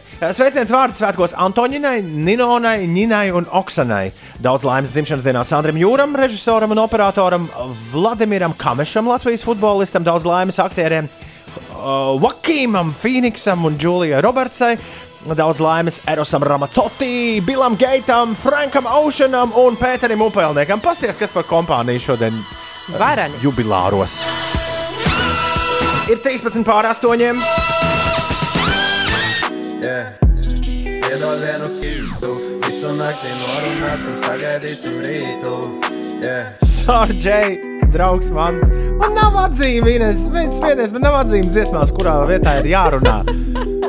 Ir, ir radiostacijas, kurām tas tā ir salikts. Pie mums, ja, mēs tās, ja, ja kādreiz es tā darīju, tad uh, bija ļaudis, kas apvainojās, ka tā ir izdarīts. ja Viņiem visu dzīvi tas maisot redz. Nu Jā, ja tu uzrunā uz dziesmas izskaņas virsū. Nu, nē, runa par to, ka var jau arī norādīt, tāpat kā mums ir norādīti dziesmu sākumi. Nu, ka mēs redzam, līdz kurai Nu, vietai jā, var runāt. Tāpat var taču- norādīt arī beigas. Bet, ja to tā dara, tad ir mums kolēģi, kuriem saka, fuck, viss ir riebīgi. Jā, bet ir arī klausītāji, kuriem ir svarīgi dzirdēt tos pēdējos vārdus Nu, dziesmā. Nu, Bohēmijas rap... Es vienīgais, ko pateikšu, ka man ir iebildumi, ja runā uz Bohēmijas rapsodijas to beidzamo. Anywhere the wind Jā. blows. To es parasti ļauju. Es pirms tam mēdzu Šo kolēģi es vēlējos norādīt, ka ir šāds grēks bijis vēl nesen. Labi. Nē, Labi, labi, labi, labi, labi, labi, labi. Viss, viss skaidrs. vēl. Ir 19 minūtes pār astoņiem. Ines, kas notiek? Man arī Iedomājieties, patīk, kas ka būtu, ja mēs runātu. izskanētu līdz galam, un tur vismaz pāris sekundes cilvēki varētu ieklausīties šajās skaistajās skaņās. Bet labi, mazliet priecīga vēsts no Austrālijas. Tur otrā lielākā pilsēta Melburna svin iziešanu no 112 dienas ilgas karantīnas, kas šajā pilsētā tika ieviesta, lai palēninātu jaunā koronavīrusa izplatīšanos. Melburna, kurā ir teju 5 miljoni iedzīvotāji, ir pārcietusi viena no pasaulē ilgākajām karantīnām. Tā tika ieviesta jūlija sākumā, kad jaunu inficēšanās gadījumu skaits Melburnā bija ap 200 dienā. Pēdējās nedēļās bija daži ierobežojumi tika mīkstināti, bet no šodienas Melburnā atkal drīkst darboties restorāni, kafejnīcas, krodziņu un mazumtirdzniecības veikali. Daži bāri rīkoja pat svinības, līdzīgas kā jaunā gadā, eh, skaitot sekundes līdz pusnaktī, kad tie ielaida ne vairāk par atļautajiem 20 apmeklētājiem savās telpās. Melburnas iedzīvotājiem gan vēl joprojām jāievēro ceļošanas attāluma ierobežojums, ne vairāk kā 25 km attālumā no mājām tie drīkst kursēt. Bet eh, gaidām arī šī eh, drošības pasākuma atcelšana 8. novembrī. Tikmēr Krievijā gan pastiprināti Covid-19 pandēmijas dēļ noteiktie ierobežojumi. Tur sejas maskas obligāti jāvalkā vietās, kur pulcējas daudz cilvēku, tā skaitā sabiedriskajā transportā, taksometros un, Un un liftos. KHL hokeja mačos. Ines, Ines, Ines. Ines. Jā. Klausies, man, eh, es jau otro reizi klausos šo ziņu, bet es daru citas lietas, un es nezināju. Tad Melburnā kaut kādi 20 cilvēki bija iespundēti bārā kopš jūlija. Uldi, ko tu domā? Vai tu domā līdzi Tu laikam, vispār? Ulu, neesi ņēmis vērā to, ko tev Andris teica pirms nu, jau pusotra gada. Galvenais ir labi izgulēties. Jūs nevarat iedomāties, cik tas ir forši. Beidzot, es to izbaudu. Miegu. Es, man katra diena ir sestdiena. Nē, katra diena, kā Morisijas dziedāja, svētdiena. Nevis, nevis izlaida no bāra telpām 20 apmeklētājus, bet ielaida. Ielaida. Bāri svinēja laidīs šo. Nu, es nezinu, kad laidīs ārā, bet tur drī- 20 cilvēki drīkst atrasties. Un tieši brīdī, kad eh, šo te- šos te ierobežojumus atcēla, tad eh, nu, bāri un, un visādas citas izklaides vietas skaitīja sekundes līdz tam brīdim, kad tos 20 cilvēkus varēs ielaist iekšā. Skaidrs. Bet, ja nu pu, pu, pu, pārspēlē par kreiso plecu, ja nu gadījumā kaut kāda slēgšana kaut kas plānos arī pie mums, tad varbūt tas ir variants, ja tu ieslēdzies un vispār nenāc ārā. Un paliec bārā iekšā. Nu, teiksim, Cik ilgi diez tur būs jautri palikt iekšā? Vēlos apsveikt ģimenītē savu bijušo klases biedreni Dženiferu, raksta Sofija. Lai dzīves prieka daudz un veiksmes studijās. Es ceru, ka Dženifera būs priecīga par šo 24K Golden un Ian Dior. 8,22. šis ir mūds. Labrīt, Aminētā! Labrīt! Labrīt. Mm. Ko tu dari? Kā tev iet? Man iet baigi labi. Es varu putru šobrīd. Atkal tu nodarbojies ar kulinārām izvērtībām. Iepriekšējo reizi, kad mēs ar tevi sazinājāmies, un pirmo reizi mēs visi bijām iespundēti mājās, uh, un pagaidām arī vienīgo reizi, tad tieši tu atzini, ka tu nodarbojies ar dažādiem kulināriem, uh, kulināriem atklājumiem un pārsteigumiem. Tu joprojām to dari? Es, es jau neatceros, ko es pateicu toreiz. Nu, laikam tā bija. Bet, nu, nē, nu, putra man tā ir tradīcija, jau tāds uh, ieradums. Katru, katru rītu es sēdu putru, tas ir stabili. Jā, Tā kā. es, jā es... Viss, viss kārtībā, man jāizslēdz Wi-Fi, lai būtu labāki, jā. Jā, lai ir labāki, labāki sakari. To es izdarīju. Fuh, ļoti labi. Es nezinu, vai Aminata mani Mhm. dzird.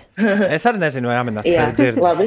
Ines. Man liekas, ka viņi nedzird mani, bet man interesē, jā, arī dzirdu interesē. A, čau, kādu putru tu vari un, un ko, tu, ko tu dari, lai tā putra katru rītu nu, nebūtu tāda Nē, tagad apnicīga? Inesē interesē, es kādu pudru tu vari un kas ir jādara, lai tā putra būtu ēdama. Nu, jā, lai tu katru rītu būtu spējīgs to putru iest. Jā, jo mēs, mēs mēģinā, esam mēģinājuši uz putrām dzīvot, bet nu, kaut kā nesanāk. Tā, nu es vāru auzu putru, auzu pēslas un, uh, nezinu, nu, kas ir jādara, lai, lai, viņi, viņi, lai to var ēst, nu, viņi ir jāvāra desmit minūtes, pats viņas tā ir rakstīts, un to es arī daru. Es, tā kā, tu ielēji pienu bišķiņu, un tad ieliec tās putras, jā, nu, un tad vāri desmit minūtes. Bet, bet apnīk. Kas, kas jādara, lai neapniktu? Tu katru reizi liec kaut ko citu klāt? Bišķiņu tai putrai. Mm, nu īsti nē. es nezinu, man neapnīk. man neapnīk, man garšo putra. Kā tev vispār, Jā. iet, kā tev vispār iet šajā laikā? Nav, nav uznācis vispār- besis par visu. Nu, nu nē, nu viss kaut kas, no, nē, ir. Ko es meloju? Ir. nē, nu ir bišķi. Bet, nu, kopumā jau viss ir labi. Jauna dziesma iznākusi, jauna sadarbība. Un, un, un nu, vajag priecāties par visu. Tevi... Es Jā, jā pabeidz. par citām lietām, kas tur nesenāk. Jā, nu, vienkārši ir tagad retrogrādais Mars, man liekas, un tas ir baigi izjauts daudz lietas. Visā, piemēram, vakar nopirku divānu un atnāca spilveni nepareizā krāsā, bet tas ir sīkums. Bet tādas lietas daudz notiek. Un Tā. Ai, Izskatītos sirdi un vēseli. Tev vēl ķibele ar austiņām bija, vai ne? Ķibele ar austiņām. Ah, jā, jā, jā, un vot šitādas lietas mazas notiek visu, visu laiku, katru dienu kaut kas tāds notiek. Auč, auč. Tevi pašu pārsteidz tas, cik cilvēkiem ļoti patīk, ka tu latviešu dziedi. Vai tas tā tev liekas pilnīgi pašsaprotami? Nē, nu, baigi forši, ja viņam patīk. Es vienkārši, es nezinu, laikam, neesmu dzirdējusi, ka, ka, ka cilvēkiem tik ļoti patīk.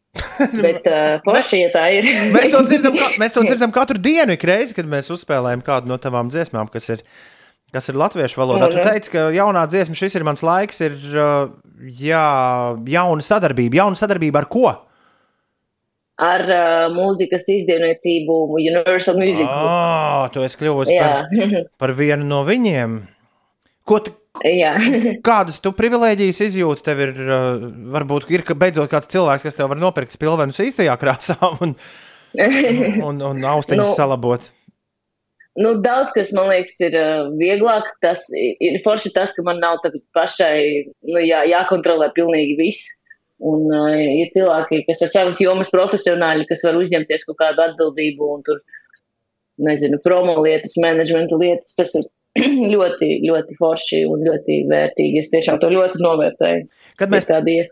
Kad mēs pagājušajā nedēļā pirmo reizi dzirdējām dziesmu, tavu jauno, šis ir mans laiks, tad Mhm. uh, es izvirzīju teoriju, ka tu esi atmetusi ar roku jebkādām iespējām koncertēt tuvākajā laikā. Jo man dziesma izklausās, ka viņi ir salīmēti tā, ka pēc tam to nodziedāt koncertā būs gandrīz vai tuvu neiespējami. Nu, nē, es jau viņu dziedāju svētdien uh, televīzijas pasākumā, un nē, var viņu nodziedāt. Viss, viss tur labi. Man liekas, viņa tieši ir domāta koncertiem. Nedomājies, es, es, es jau es vienmēr iztēlojos, kā es viņu dziedāšu koncertos, un man liekas, ka šis ir mans laiks. Es vienkārši varu pati nedziedāt, bet tā pagriez mikrofonu un cilvēki dziedās. Un tagad es un cilvēki, šis ir mans laiks. Tā es to iztēlojos. Var tur viss izdziedāt. Jo, jo ilgāk nenotiek koncerti, jo biežāk tu fantāzē par to, kāda būs atgriešanās atpakaļ uz skatuves. Ne, Jo es sevi vakar pieķēru, es sevi vakar pieķēru pirmo reizi, ejot, ejot pa ielu, pieķēru pie sajūtas, kā tas būs. Kad atkal būs tik daudz cilvēku, ka tu viņus nevari saskaitīt, un es viņiem kaut ko teikšu. Un es līdz šim par to nebiju iedomājies. Man tas likās, nes, kad tas būs. Nu, patiesībā nē, es nevaru, nevarētu teikt, ka es bieži sapņoju par koncertiem, es teiktu, kad viņi notika, es sapņoju biežāk. Bet tagad kaut kā tas viss ir uz, uz pauzes. Man patīk sapņot par lietām, kas var notikt tuvākajā laikā. Mums nav tā saslēgta sakara, lai tu dzirdētu, ko Ulas raksta, bet viņš raksta, ka viņš šorīt ir noķēris domu, ka labi, ka vairs nav autokoncertu. Viņš prasa, vai tev sanāca dziedāt cilvēkiem, kur bija mašīnā, vai tev, vai tev bija šī izdevība? Nē. Nē, man, man nebija šī izdevība, es dziedāju Zazaru. Un tad cilvēki brauc uz, koncerti, uz koncertu ar laivām, nevis ar mašīnām. Tā kā tā. Tas bija laikam tas eh, Jūglas ezera. Tas bija Jūglas ezerā, vai ne?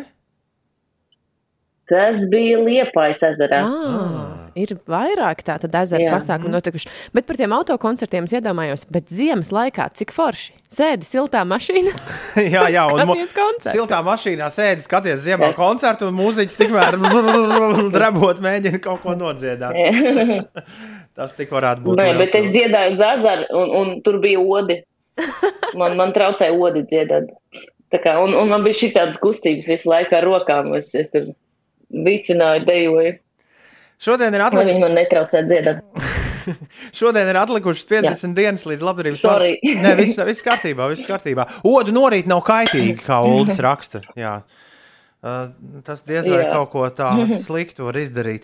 Klau, uh, jā, ir atlikušas šodien 50 dienas līdz labdarības maratonam, dod 5. Mēs esam apņēmības pilni, ka šis maratons notiks.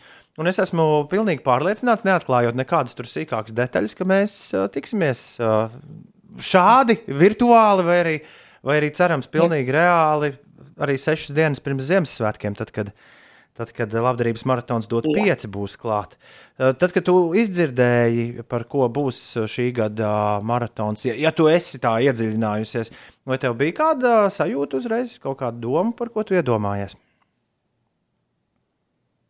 Uh, ja godīgi, es šobrīd nevaru atcerēties tieši tēmu. Tēma ir vardarbība, tēma ir vardarbība ģimenē. Ah, jā, pareizi. Jā, pareizi, pareizi.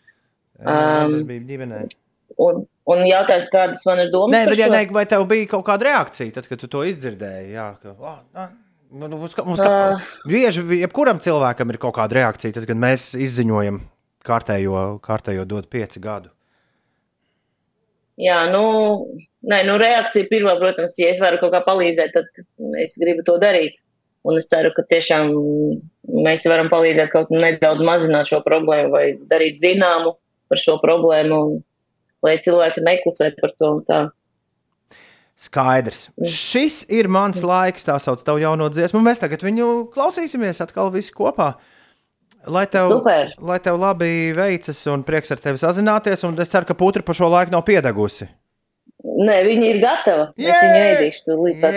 Un lai Jā. nekad neapnīk putra. Lai tā tev tiešām nekad neapniek, apvienot tāds mums te ir. Jā, paldies. Jā, un, kā, un Ulas raksta, nākamreiz, nu, točni, točni klātienē tiekamies, nevis, nevis atkal attālināti. Jā, es nāku ar putru. Sarunāts. Jā. Sarunāts, esam vienojušies. Amināti, šis Jā. ir mans laiks, tavs jaunais singls 5 LV ēterā. Lai tev veicas, tā! Atā! Čau! Jē, paldies, čau! Atā! Šis ir mans laiks. Šis ir Aminatas laiks, un šis ir Ineses laiks, jo Ineses bez 29 stāsta, kas notiek. Jā, tā es mēdzu darīt. Vispirms par sastrēgumiem Daugaugrības ielā izrādās ir jārēķinās ar vismaz 17 minūšu kavēšanos. Tas ir posmā no Lidoņa ielas līdz Lilijas ielai. Vienības gatvē arī gandrīz 10 minūtes jāpavada posmā no Irbenas ielas līdz Kārļa Ulmaņa gatvei pa labi. Gustava Zemgala gatve tur arī Teju 9 minūtes jāpierēķina klāt ceļam, Gunāra Astras ielā 7 minūšu aizkavēšanās, un tāda pati situācija arī Torņa kalna ielā. Bet eh, citās ierastajās sastrēguma vietās ir jārēķinās ar aptuveni 4 līdz 7 minūšu kavēšanos. Piebildīšu, ka Zemitāna tilts arī pārbraucams 7 minūšu laikā. Vēl arī jā, Twitterī eh, ziņo, ka brīvības gatvē joprojām roda papildu 21 minūti eh, kavēšanās laika ziņā. Tas saistīts ar Tas saistīts ar to avāriju, kas notika šorīt uz VF tilta, kur eh, nu, nesadalīja ceļu tramvajs ar, ar vieglu automašīnu. Bet kāda ziņa no Krievijas puses? Krievijas ziemeļos pie Kāras jūras atklāta milzīga valzirgu kolonija. Zinātnieki aprēķinājuši, ka tajā sapulcējušies aptuveni 5000 lielo jūras dzīvnieku. Tie ir iekļauti Krievijas aizsargājamo sugu sarakstā, tāpēc eksperti ar prieku ir uzņēmuši šo ziņu par lielo koloniju. Valzirgi nav tas pats, kas nilzirgi. Nē. Valzirgi, man liekas, ir eh, tās jūras lauvas, vai ne, Uldi? Uldi? Ar tādiem lieliem, ar tādiem lieliem priekšējiem nu, ilkņiem. Lietas no Ulu mierā un viņa zināšanas par va- valzirgiem. Par valzīgiem es zinu, bet vai tas ir jūras lauva, vai jūras govs, vai jūras zilonis? Jo šie man visi jūg.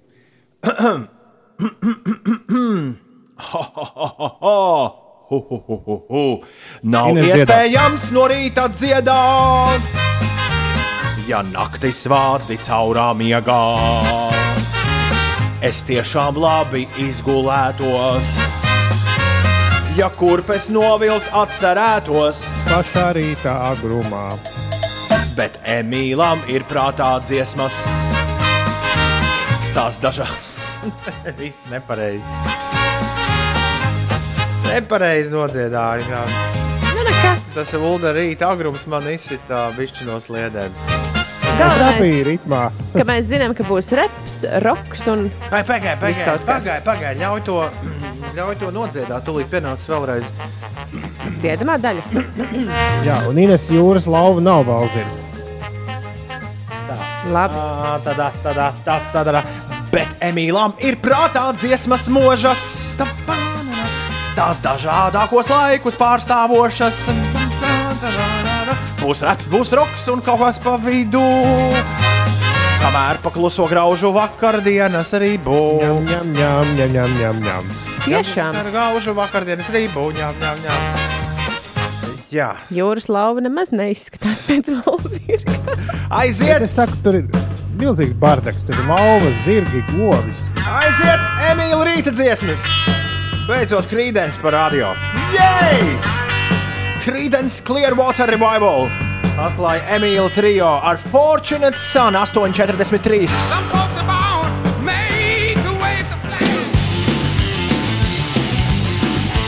Living Color, Cult of Personality. Šorīt mēs klausāmies Emīļa izvēlētās rīta dziesmas, viņu visu laiku vismīļākās melodijas, kuras klausīties tieši no rīta. Labrīt, Emīļa! Labrīt, labrīt! Mūžs dzīvo, mūžs mācies. Man patīk šis teiciens, jo kur gan citur, kā radio studijā, iespēja šo tiešām ikdienu arī piekopt, realizēt, praktizēt. Es nekad neesmu neko dzirdējis par Living Color. Kur tu tos izrāvi? Uh, es agrāk, kad biju jaunāks, es biju baigais wrestlinga fans. Un, uh, vien, vienam tur uh, no cīkstoņiem bija tā kā entrance dziesma, un man piesaistīja. Es sāku viņu meklēt. Ah, tad sportā tas suns aprakts. Nu, Viņa skaidrs. principā arī ir One Hit Wonders. Aha. Jā, labi. Tagad zināsim, turpmāk vienmēr zināšu, kad šī dziesma pas- pa- pat pietuvosies man klāt. Šādi arī to komentēt. Klau, kas ir pati vecākā lieta, kas tev pieder? Tā, tā, tā, tā, tā tūlīt ātri izdomāšu. Laikam velosipēds. Vai ir bijis kaut kas tāds, ko kāds no tevis ir paņēmis un nav devis atpakaļ? Vai tev nāk prātā kaut kāda mīļa lieta, kur tomēr būtu forši dabūt atpakaļ? Nē, tāpēc es tādas baigi nedāļāju. labi, kur visforšāk ir pastaigāties? Parkā. Kurā parkā? Ar kādu? Kronovu parkā. Uldi. Uldis Ulds klusām iečukst. Ar kā- Ar kādiem? Kronvalda parks tomēr šoreiz uzvarēja. Uh, Kā tev šķiet, kas no mūsdienām paliks nākotnē? Nu, kaut kas, kaut kas, kas tāds zīmīgs ir mūsdienām. Uh, paliks mašīnas noteikti ar iekšzemes zinēju. Viņas paliks. Tu domā, ka elektromobīļi neaizvāks tās projām? Viņas paliks kā, jo es kā ekskluzīvas lietas. Kas ir vistumšākā filma, ko tu esi redzējis? Nu, nu Halloween Tumša. laiks. Jā, tas kaut kas tāds Tumšākā? Tā kaut kas tumšs, jā, tāds riktīgi. šausmu sametvillā laikam ir vistumšākā. O, mēs arī nes, Es gro- neesmu grozām neko tādu galvas. jā. redzējusi. Jā. Un vai ir kaut kas, kas ir sabojājies, jo kļuva populārs, tavuprāt? Es, es īsti neesmu saskāries ar to, ka manās interesēs, kas ir laikam, ka nav tā sabojājies pārāk. Labi. Uzliekam normālu repu, ko? Droši. Lai iet Dre un Snoopdogs tev trešā izvēle rīta dziesmām Nothing but a G-thang. Tā kā ne tikai rociņu patīk tev klausīties, bet arī normāli, tā teikt. Uh, Jā, jo ma- man nav tādas konkrētas mūzikas gaumas. Man ir kas patīk, tas man patīk. Normāli. Kā mums visiem. Paldies tev! Lai tev veicas! Čau! Atā. Atā! Don't see you when PTO in in the city they call Long Beach. Ja vien to bet, bet es uzliku, redzēt. es uzliku, es uzliku disku, uz kura ir rakstīts Clean Edit. Bet, ja tu šo būtu redzējis kāds cits cilvēks ārpus studijas, Toms vienkārši stāv pie pulca un ik pa laikam iebļaujās. "Ā, Nē! Un neko lietas labā nevar izdarīt, jo dziesmu apstādināt nevar. Bez tam mums ir vesela kaudze ar klausītājiem, kuriem ļoti patika šis gabals. Ai, Man arī ļoti patika, bet, bet šis bija forši, jo tur nebija viens tikai vārds, tur bija daudz. Ai, ai, ai, Bet ai, tagad ai. kaut kā jāpalīdz Lienai. Ne, nu, pagā, uh, ko Liena saka?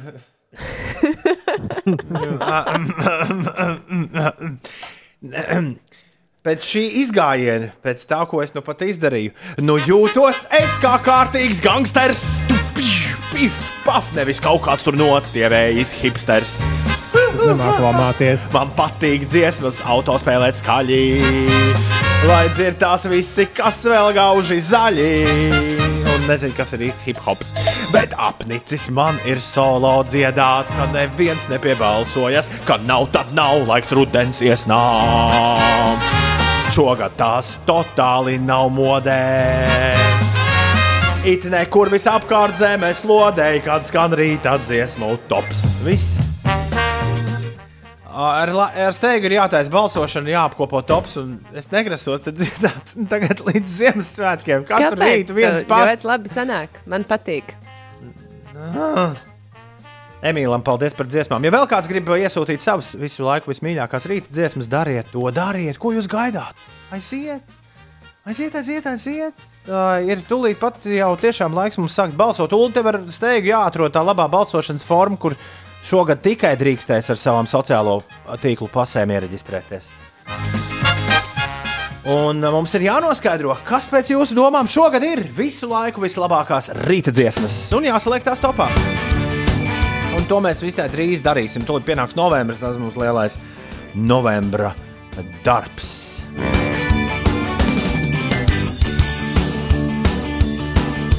Vetārs Kristaps raksta, ka Tomēr nesatraucies, noskries lieku sodu aplīt un vainu būs izpircis. Es domāju, ka nu, te tiešām tā lielā īziņa gūzma, kur klausītāji ir rakstījuši, cik ļoti viņiem ir paticis šis pēdējais gabals un vispār šīs trīs dziesmas un, un valoda, kādā ir dziedāts. Nu, tas, es ceru, ka tev uzlabos omu. Jā, bet Lienas dēls ir iemācījies jaunu vārdu. Tas ir slikti. Tas ir slikti. Tas ir slikti. Kur tu iemācījies? Radio. Ah. Labi, labi. Rīt būs jauni vārdi. Nē, rītdien Ko mēs, būs, iemācīties? rītdien mēs būsim ekstra šķīsti starp 6 un 9. Marta ciemosies pie mums, viņai ir iznācis debijas albums, un par to mēs papļāpāsim. Tāpat Marta, kas pēdējos divos dod 5 piedalījās, starp citu. Paldies visiem, ka klausījāties šodien. Mēs tiekamies rīt, Volfs nākamais FM. Tiekamies vislabāk! Tā! Tā! Tā!